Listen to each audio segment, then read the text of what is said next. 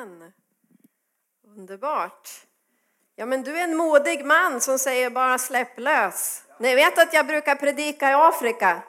Ja, halleluja. Nej då, jag ska inte skrämma någon. Tusen tack för att jag får komma hit. Det är verkligen en glädje för mig. Ja, som ni hör så är jag svensk, det går ju inte att kyla. Men jag snackar en sån här konstig mix av norsk och svensk. Mina barn ler åt mig när jag ringer hem. Så säger mamma nu pratar du norska, säger de. Men det är en väldig glädje att få vara här. Jag har hört mycket gott om er menighet. Och jag är god vän med Vidar. Han eh, drar in mig i, i Himmelpartners bibelskola emellanåt, eh, så jag får vara där och undervisa. Men jag tror att Gud har förberett något väldigt gott för oss ikväll. Och det är inte för att jag är här, utan det är för att Jesus är här. Halleluja! Och vilken nydlig lovsång. Alltså vilka lovsångare ni har här. Va? Halleluja! Ja, de är verkligen värda en applåd. De är värda en applåd. Jag tänkte på Josafat när jag hör er. Så tänkte jag på Josafat som drog ut i strid och sätter lovsångarna först. Yes, där har ni krigarna. Var rädd om dem. Ja ja, vart ska jag börja? Jag har så mycket på mitt hjärta för den här kvällen. Men jag ska försöka lyda Herren. Ehm, jag vill bara kort presentera mig för jag misstänker att det är många som inte vet vem jag är. Ehm, jag heter Marita Orevi Tornäs. Mitt sista efternamn är norskt så jag är gift med en härlig norrman. Eh, och min man han kommer från Molde. Han kunde tyvärr inte vara med här ikväll för att han har sina vuxna barn där uppe och är där och besöker just nu. Men, eh, så jag träffade honom 2019. Förlåt, 2018. Vi gifte oss 2019 och jag har bott i Norge eh, sedan december 2019. Vi bodde ett par år uppe i Molde men flyttade ner hit till Sörlandet ganska nyligen. Vi kände att Herren kallade oss hit till bibelbältet.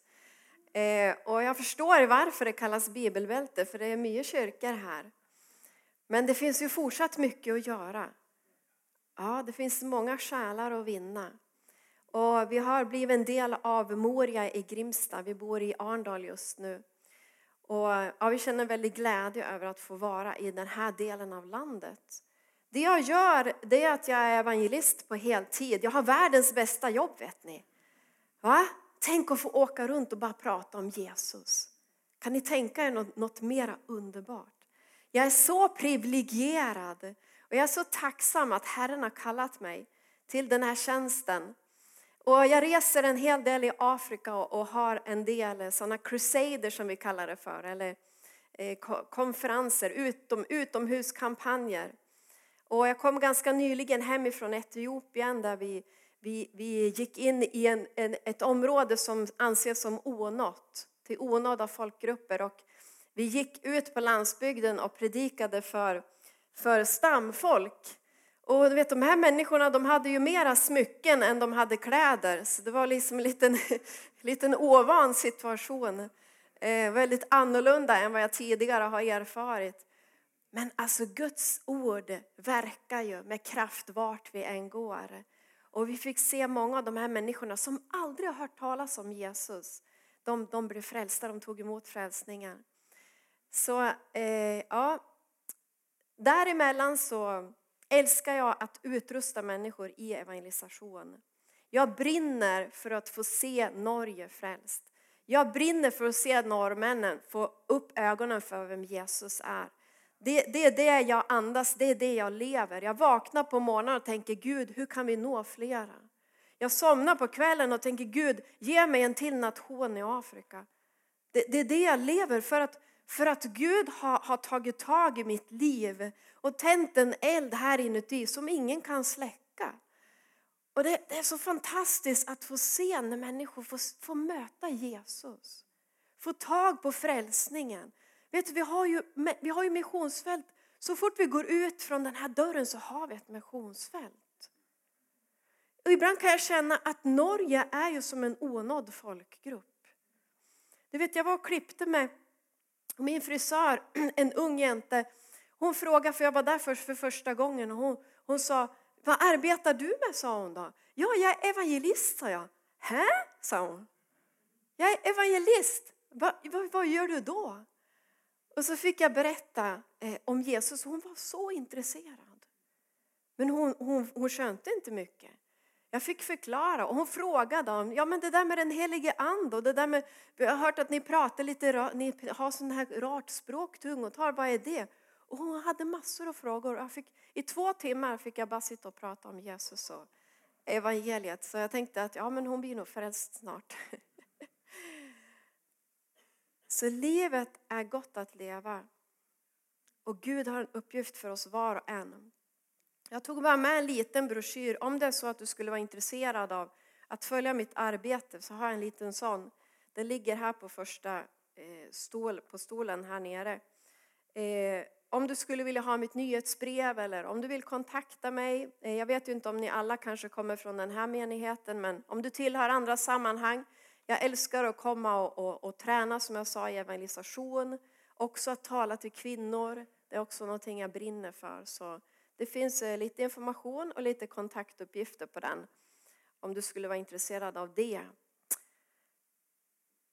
Så, ja, jag vet inte vad jag ska säga mer om mig, men jag kände ikväll att jag ska dela eh, mitt vittnesbörd. För att jag har ett starkt vittnesbörd. Jag har en stark berättelse om hur Gud kan resa oss upp. Hur Gud kan göra allting nytt när, när vi har fallit, när, när livet har fallit samman. Jag kände att jag ska tala om det ikväll. Men jag är också evangelisten och det kommer man inte ifrån. Vare sig ni vill eller inte. Och jag kände bara också att jag ska tala ikväll till dig som kanske känner sig, jag vet inte riktigt om jag går med Jesus fullt ut. Jag vet inte riktigt om jag känner Jesus. Jag ska tala till dig också ikväll. Ikväll kan du få komma in, om du lyssnar till mitt budskap ikväll så kan du få komma in i en stark relation med Jesus ikväll. Låter det bra? Bra plan för kvällen? Nu låter det som jag ska hålla på här liksom i tre timmar. Men, men jag ska börja berätta om lite grann av det jag har gått igenom. Och först måste jag bara säga att jag faktiskt har blivit mormor. Alltså vilken glädje! Har vi några mormödrar här i lokalen eller farmödrar? Va? Livets efterrätt. Ja, och det är hemskt att hon bor i Sverige då, lilltösen här som föddes. Och det, är inte det lite rart att jag är mormor, jag som bara är 35? Ja. Jag är lite äldre än så. Halleluja, man håller sig ung när man är i salvelsen, eller hur Vidar? Ja, sån är det. Sån är det. Okej, okay. vi ska gå tillbaka lite i tiden. Ganska många år. Jag, jag var 19 år eh, när jag gifte mig. Inte med den man som jag har nu. Jag skulle fira 20 det året. Eh, och jag gifte mig och jag var kristen. Jag har varit kristen hela mitt liv. Och den här mannen som jag träffade han var också kristen. Och vi gifte oss, vi fick två barn. Och vi hade det jag skulle kalla ett ganska normalt äktenskap. Eh, och ja, prövningar och det som tillhör vardagen så att säga. Men jag tyckte ändå att jag hade ett bra äktenskap. Men när vi hade varit gifta i 19 år, tror jag att det var, så började jag känna att någonting pågår som, som inte är bra i mitt äktenskap. Jag, jag bad till Gud och sa, vad är det jag känner? Och ofta när man, man säger att man får en magkänsla, det är ofta den heliga ande, vet ni. Och jag började fråga Herren, vad är det som pågår? Vad, vad är det som inte stämmer här? Och jag började misstänka eh, att min man eh, hade träffat en annan kvinna. Och jag gick så långt så jag ställde honom mot väggen och frågade honom rakt ut. Och han eh, förnekade. Han sa nej, det stämmer inte. Jag tänkte, håller jag på att bli galen? Varför får jag alla de här tecknen och så, och så, och så säger han absolut nej? Och jag fortsatte och jag bara kom liksom till en punkt där jag bara sa, Gud, jag måste få veta sanningen. Och då så plötsligt så fick jag tydliga bevis på att det, det tyvärr var så att han hade en relation bakom min rygg som hade pågått i några månader. Och och eh, när han visste att jag hade bevis på det så, så lämnade han mig. Eh, min son, vår son var 12 år, dottern var 14. Eh, jag blev själv med hus med stor hage och samma natt som jag konfronterade honom så flyttade han ut. Dagen efter så fick jag sitta och försöka förklara för barnen att pappa har flyttat. Och hur, hur förklarar man det när man själv inte förstår det? Jag kan säga att hela mitt liv rasade samman. Eh, jag kände första dagarna kände jag så här, det här händer inte. Det här kan inte vara möjligt. För det fanns inga tecken på att han skulle ha varit otrogen eller någonting. Jag tyckte att jag levde ett normalt liv i ett bra äktenskap. Och så rasade livet samman på detta sätt. Och jag kände mig så kränkt, jag kände mig så fruktansvärt sårad. Mitt hjärta var så knust och jag sa till Gud, hur, hur går jag vidare? Hur kan jag ta mig vidare i livet? Jag visste inte hur jag skulle göra. Men ni vet att Gud, han är ju Gud. Och han fanns där. Och han gav mig verkligen kraft och styrka för varje dag. Och jag kommer ihåg att i början, så, första dagarna och veckorna, så gick jag som i ett töcken och tänkte att det här kan inte ha hänt. Det var så overkligt. Men Gud var med, jag fick, vi fick bra stöd av, av min familj, av den menigheten som vi tillhörde. Och det var som att jag fick börja lära mig att gå på nytt. Jag kände mig så fruktansvärt sviken. Och även om jag, jag klarade av vardagen så var det någonting som började gro i mitt inre. Och det var ett hat. Jag var härligt kristen även på den tiden. Det här var 2009, så det är ganska många år sedan. Jag levde med Jesus, jag var aktiv i min menighet, jag gick med Gud. Men jag började hata honom. Och det var som en, som en rot som började gro i mitt inre. Och, och jag, jag, jag, ville ju inte hata honom, men jag kunde inte rå för det. Och jag visste att jag behöver försöka tillge. Och jag, jag bad till Gud. Men jag sa till Herren, hur ska jag kunna tillge någon som jag hatar? För att helt ärligt så kände jag att om han kommer in här. Ibland så satt jag på kvällen och tänkte jag önskar att han kom hit så jag fick liksom så. Det är så man känner i sin mänsklighet. Jag ville skada honom som han hade skadat mig. Jag ville hämnas. Och allt det här gick jag och bar på i mitt inre. Och samtidigt så visste jag, Gud, jag, jag tränger att tillge. Hur, hur gör jag? Jag vill tillge, hjälp mig Herre. Och i den processen så sände Gud en, en, en evangelist i min väg. Jag hade lite mailkontakt med honom. Jag skrev och förklarade kort vad jag hade gått igenom. Och så skriver han tillbaka och nu ska ni få höra. Det, det orden som han skrev till mig, det förvandlade mitt liv. Tänk hur Gud kan tala rakt in i en situation med profetiska ord. Och han skrev så här, att tillge är ett val, det är inte en känsla, skrev han. Du ska bara bestämma dig, du ska besluta dig för att tillge.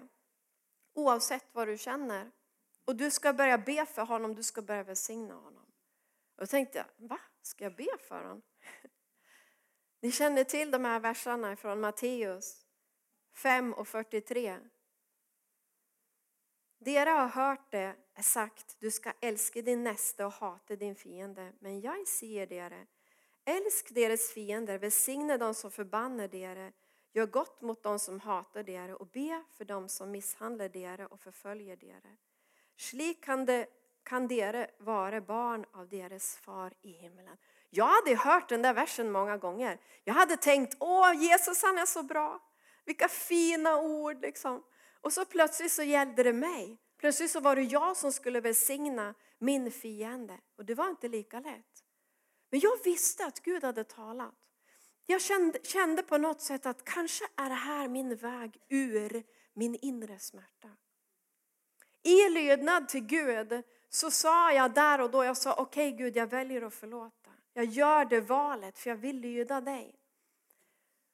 Och jag började, där satte Gud mig på en resa där jag började be, jag började välsigna honom. Och från början så var det bara ord i mitt huvud som jag talade ut i lydnad till Gud.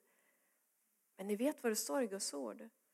Att Guds ord är levande och verksamt. Det är skarpare än något tvegat svärd. Så när jag började välsigna honom så började Gud att låta de här orden från huvudet, de gick ner till hjärtat. Och den vägen kan vara ganska lång ibland. Håller ni med om det? Ja. Det är en sak att förstå med huvudet, en helt annan sak att förstå med hjärtat. Så plötsligt så började jag känna att jag kan välsigna honom. Att jag menade det. Jag kunde be för honom och hjärtat var med. Och så, och så började jag märka hur dagarna gick, veckorna gick, så kände jag att hatet började rinna av. Och sorgen och smärtan och den här känslan av att bli så kränkt som kvinna. Att han tog en annan kvinna istället för mig.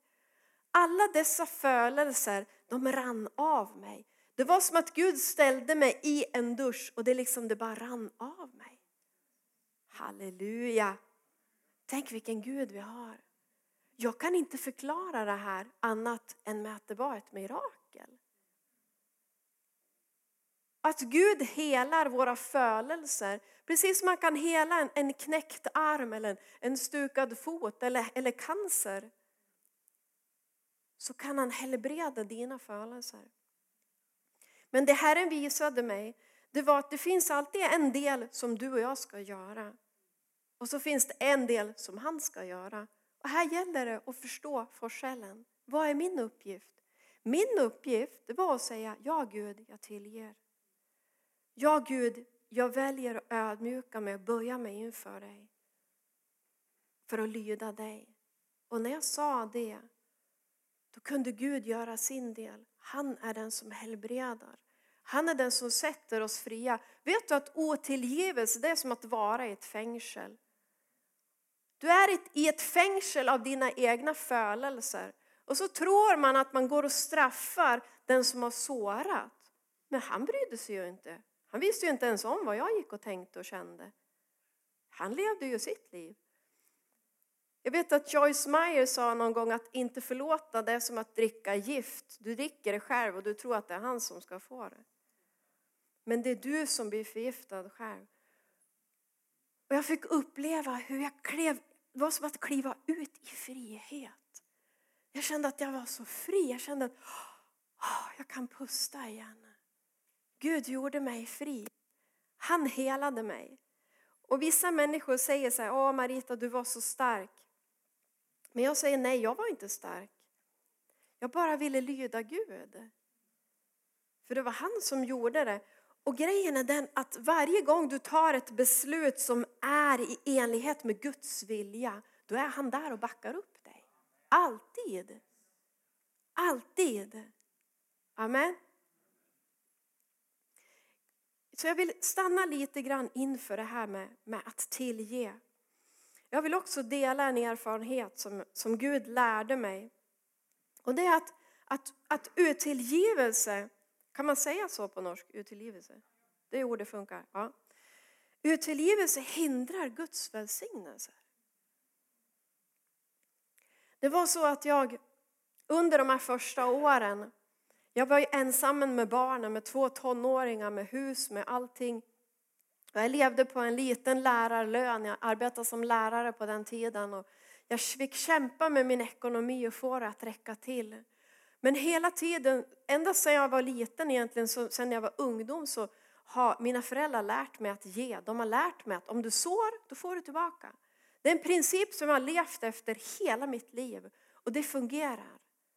För att Guds ord säger det. Om du sår, då får du hösta. Om du är generös med dina pengar, om du tänker att dina pengar som du har, det är något som Gud har lagt i dina händer. Och du är bara en förvaltare. Lyssna nu, det finns mycket pengar i Norge. De pengarna som du har i dina händer, om Jesus bor i ditt hjärta, då är du bara en förvaltare. Det är egentligen inte ditt, utan det är hans. Och om vi kan tänka på det sättet, då är det lätt att ge. Då är det lätt att ge. Då kan du så in i Guds rike. Då kan den här församlingen behöver inte ha någon ekonomisk nöd överhuvudtaget. För att vi bara ger. För det här är Guds verk, vi bara sår. Man ska inte ens behöva stå här framifrån och säga nu måste ni ge. Utan man bara vill ge. Man bara vill ge. För att vi älskar Jesus, vi älskar Guds församling. Vi älskar menigheten. Och när du ger till Gud, vad gör han då? Han ger tillbaka. Det är omöjligt att inte bli välsignad. Om du välsignar Gud, då välsignar han tillbaka. Det här är en helt annan predikan. Det här hade jag inte alls planerat att säga. Men det är ganska bra, är det inte det? Vad skulle jag komma till? Halleluja. Jo, då var det så att jag kämpade med ekonomin. Jag sa till Gud, Gud jag har givit mitt tionde. Jag tror på principen att alltid ge 10 av min lön. Jag har alltid gjort det. Och jag, har, jag kan säga att jag har alltid haft det jag tränger.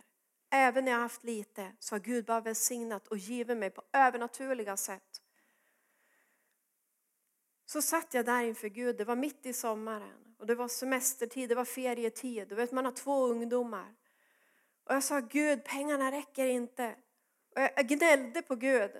För jag sa att du vet att jag har givit. Jag har givit mer än tionde. Nu får du visa vem du är. För du vet vad jag tränger. Och så på natten eller på morgonen så vaknar jag med ett bibelord i huvudet. Har ni märkt att Gud kan tala ibland mellan när du, när du är i sömn och vakenhet? Är det någon som har varit med om det? Det är som att, att eh, själen eller tankarna är stilla och då tar, tar Gud chansen att tala och du är nästan vaken. Jag fick det här bibelordet som ni säkert känner igen från Matteus 5 och 23. Om du bärer offergaven, offergaven din fram till altare och där kommer till att tänka på att din bror har något emot dig, så lag gaven ligga föran altare och gå först och bli förlikt med din bror, så kan du komma och bära fram offergaven din.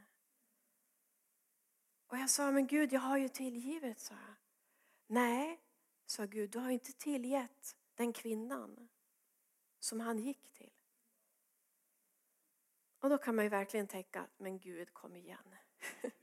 nu, går, nu går det för långt här. Alltså kom igen Gud.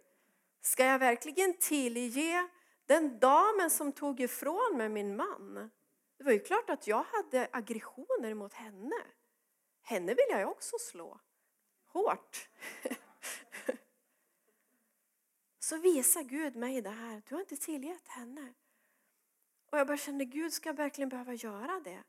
Ja, det behöver du göra. Och då måste vi komma ihåg, varför tillger vi? Vi tillger inte för att säga att du gjorde rätt eller att vi ger ett erkännande till den personen som har sårat dig. Vi tillger för att göra oss själva fria, för att Gud ska kunna sätta oss fria. Så fick jag gå igenom samma process fast mycket kortare med den här kvinnan. Där jag bad för henne, jag började välsigna henne. Och den här gången gick det lätt. För att jag hade gjort det en gång innan. Och jag kände att bara på några dagar så kände jag att den smärtan den försvann. Jag kunde, jag kunde tillge henne. Och det är övernaturligt. Men det som sker då det är att det börjar komma pengar.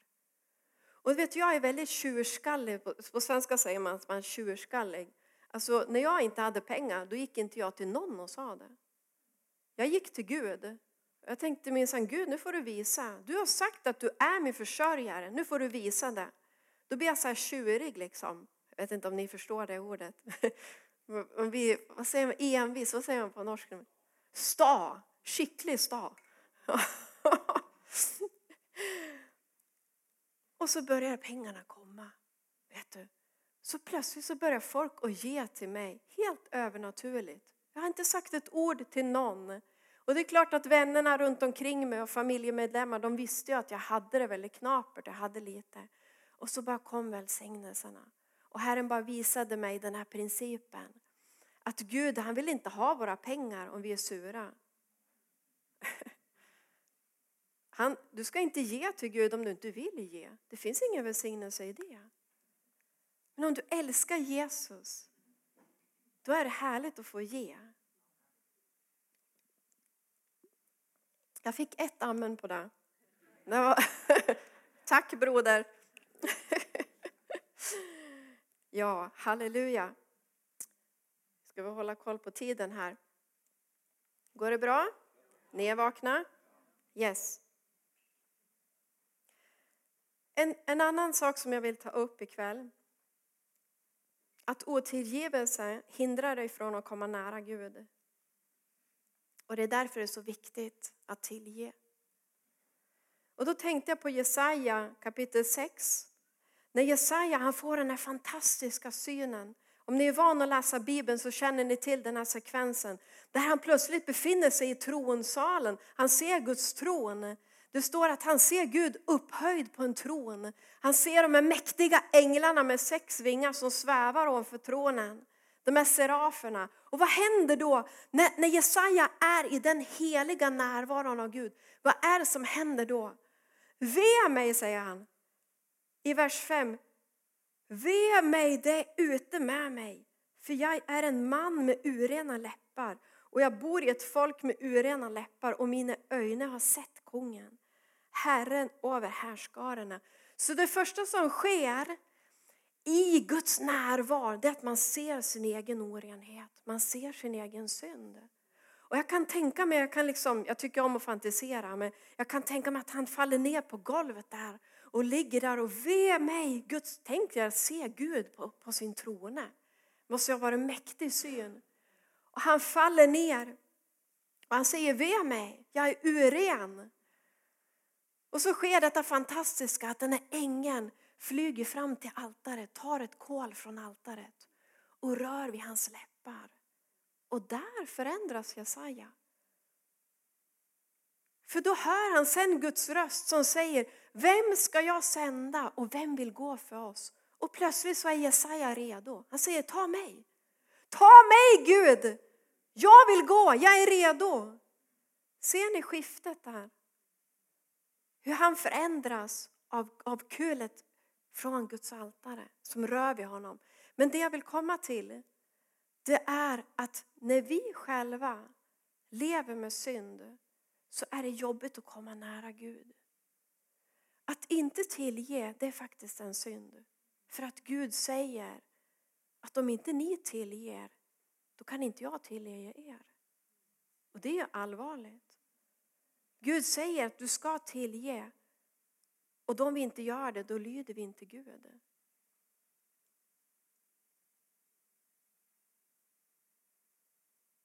Jag tänkte på en annan bibelvers.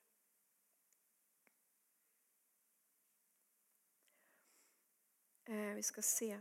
Mm, vi kan ta den. Salmernas bok 36. Jag ska läsa ganska många verser där. Nej, vänta, vi ska ta det här först. Vi ska ta det i rätt ordning. Det är så här att Gud, han vill leva nära dig.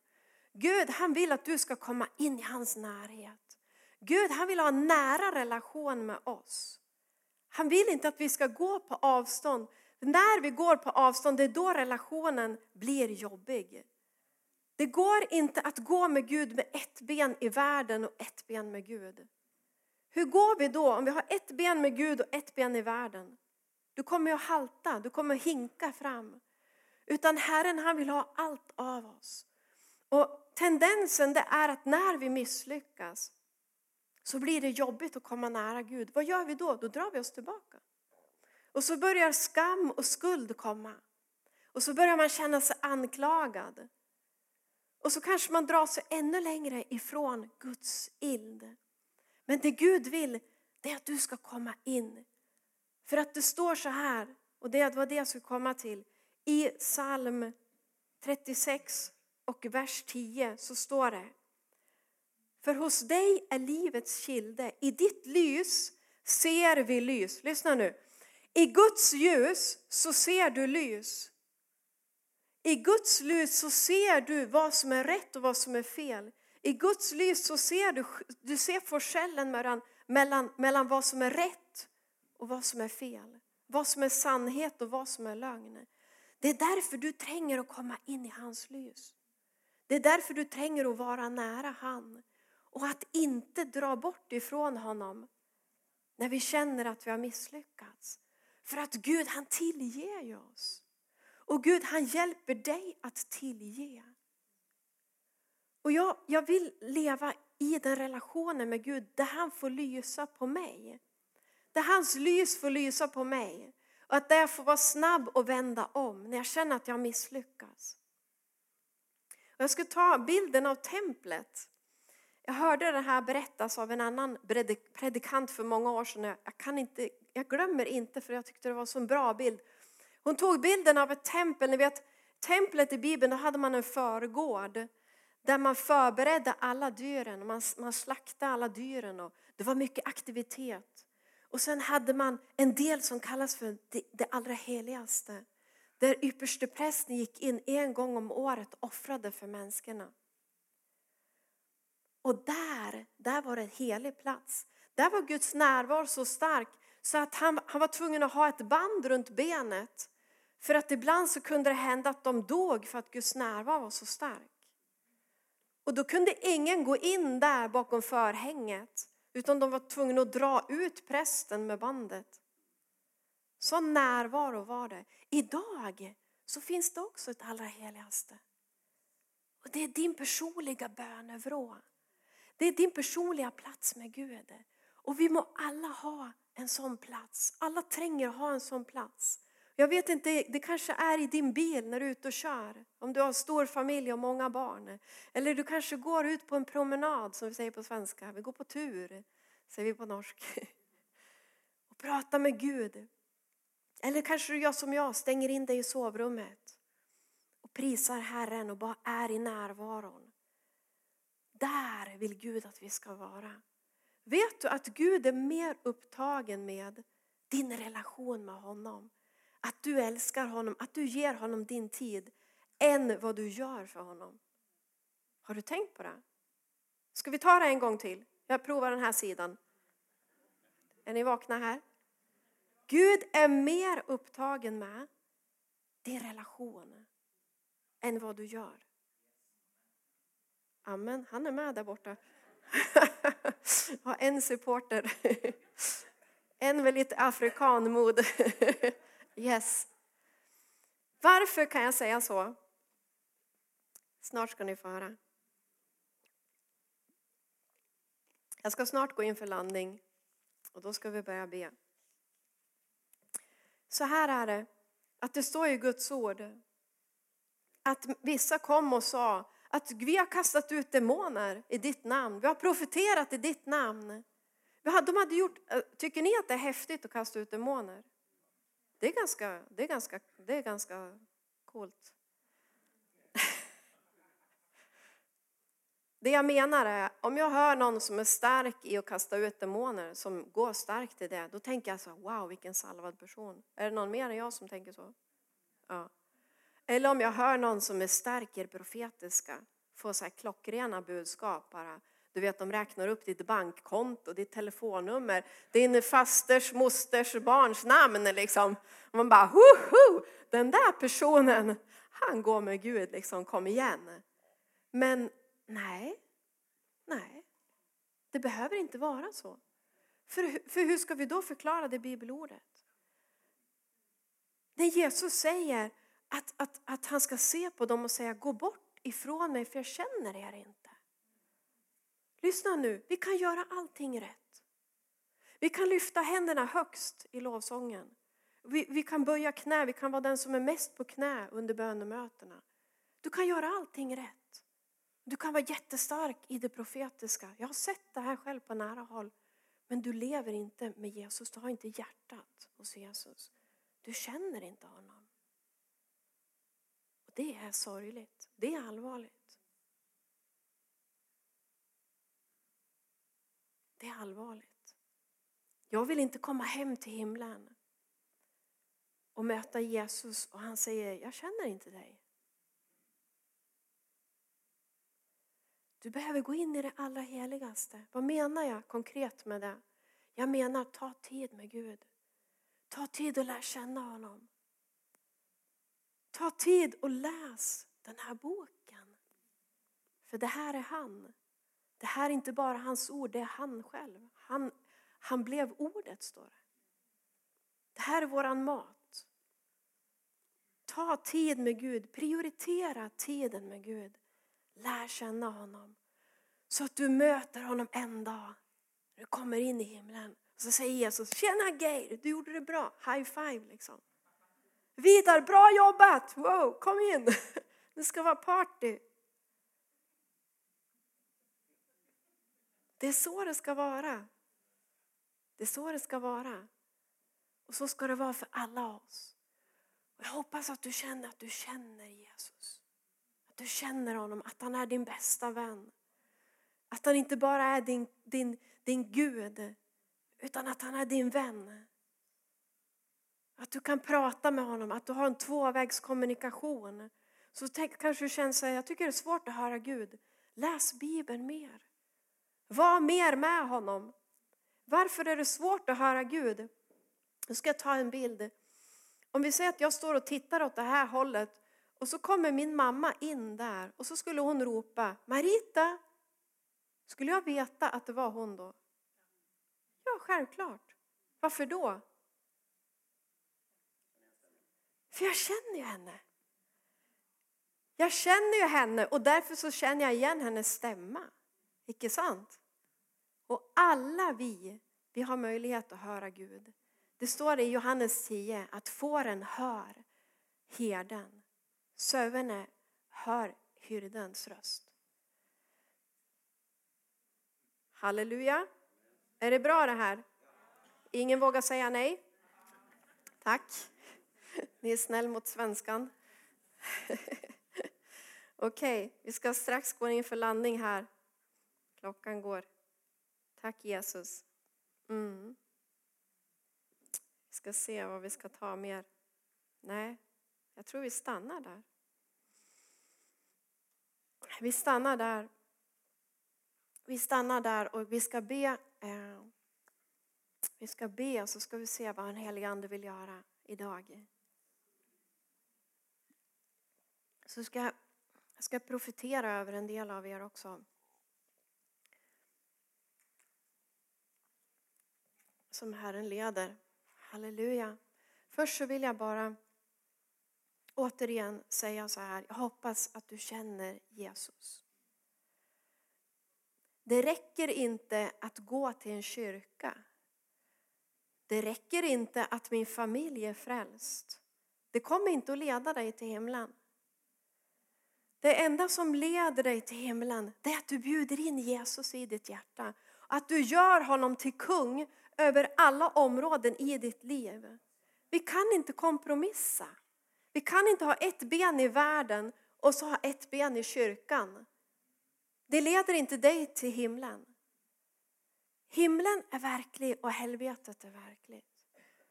Och Bibeln säger att i det här livet så tänker vi att göra ett val. Den dagen vi dör så är det för sent. Jag hade en vän som, som gick bort i december förra året, i jul, när jag var hemma och firade jul i Sverige. En ung jänta på 24 år, en, en god vän till mig. Plötsligt så stannar hjärtat på henne. Och, och, de, och de, de skjutsar henne akut in till sjukhuset. Och inom loppet av några timmar så är hon död.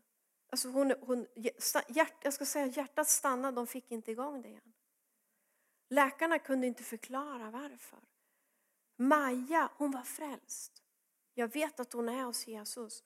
Du och jag, vi vet ingenting om morgondagen. Vi vet ingenting om morgondagen. Vi vet inte vad som händer när du går ut genom den här dörren. Maja visste inte dagen före att hon dagen efter skulle vara i himlen. Hennes föräldrar visste det inte. Jag visste det inte. Varför säger du så här Marita? För att det är min skyldighet. Att tala sannhet. Att tala sanning. Och jag vill inte att du ska missa målet. Jag vill inte att någon enda ska gå förlorad. För att man trodde att man var frälst. Man trodde att man var på väg till himlen. Och många människor som jag pratar med, vi är ute varje vecka på gatorna i Moria. Och då säger de så här, men Marita jag är en god människa. Jag gör goda gärningar, jag försöker göra så gott jag kan. Ja, men det frälser inte dig. Det är bara Jesus som kan frälsa. Att ta emot honom, att bjuda in honom så att han får bli Herre i ditt liv. Det är det som för dig till himmelen. Det är det som ger dig en evighet i himmelen och inte i helvetet. Jag skulle vilja ge en inbjudan till dig nu ikväll. Jag skulle vilja be att du får be en frälsningsbön tillsammans. Och vi ska göra det nu alldeles strax. Där du bara får be där du sitter och bekänna att Jesus är din Herre. Och kanske är du sån som, som känner att du har kompromissat, att du vinglar lite hit och dit, att, att, att synden drar liksom. Det drar hit och det drar dit och det blir en ständig konflikt. Vet du varför det blir en konflikt? För att du har inte givit allt till Jesus. Så när du ger honom allt, då är det han som är Herre i ditt liv. Och du vet att då är det han som, som hjälper dig, det är han som backar upp dig för att du har givit honom allt. Lyssna nu, Jesus är en gentleman. Han är en gentleman. Han går inte in och styr över ditt liv och kontrollerar över ditt liv och, och, och, och tar liksom kontrollen på ett positivt sätt om inte du ger honom den kontrollen. Kontroll kan låta som ett negativt ord, men det finns ingenting bättre än när han sitter vid ratten och kör. Kom igen, universums skapare. Alltså kom igen, det finns ingen bättre ledare. Halleluja! Och jag älskar Jesus. Och jag älskar att se människor ge sina liv till Jesus. Det finns inget bättre. Och nu vill jag att vi ska bara blunda allihopa om ni bara vill lucka era ögon i respekt för varann. Jag kommer inte att peka ut dig, jag kommer inte att be dig att komma fram. Men jag vill bara spöra ikväll. Om du vill ta ett frälsningsbeslut, om du vill säga ja, jag vill bli frälst, jag vill, jag vill invitera Jesus in i mitt liv ikväll och be den bönen tillsammans med mig. Då kan du bara få lyfta din hand. Eller om det är så att du känner att du bara kompromissar hela tiden, det är den här dragkampen. Och att du känner att nu är det dags att bara gå all in. Du kanske har varit i kyrkan, du kanske är i kyrkan, men du känner att du har inte givit Jesus allt. Då kan du också få lyfta din hand. Så jag bara ger de här två erbjudandena till dig som kanske aldrig har känt Jesus, eller till dig som bara känner att jag vill komma tillbaka, jag vill ge honom allt ikväll. Då kan du lyfta din hand just nu.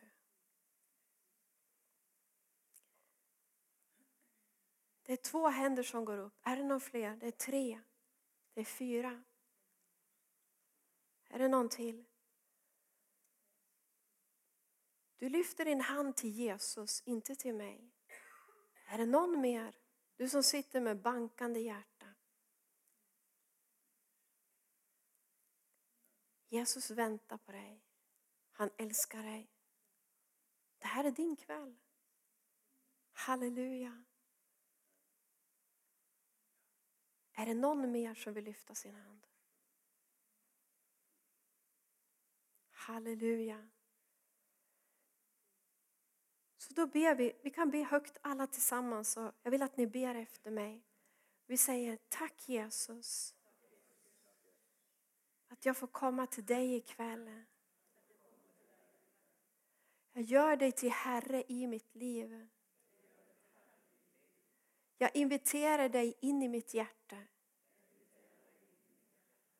Tack att du har tillgett mig min synd. Tack att du har dött på korset för att ge mig liv. Jag vill att du tar över ikväll. Jag gör dig till Herre ikväll. Tack att du älskar mig Jesus. Att du vaskar mig ren i ditt blod. Tack Jesus. Amen. Amen. Halleluja. Halleluja. Nu är det glädje i himlen. Halleluja. Tack Jesus. Tack Jesus.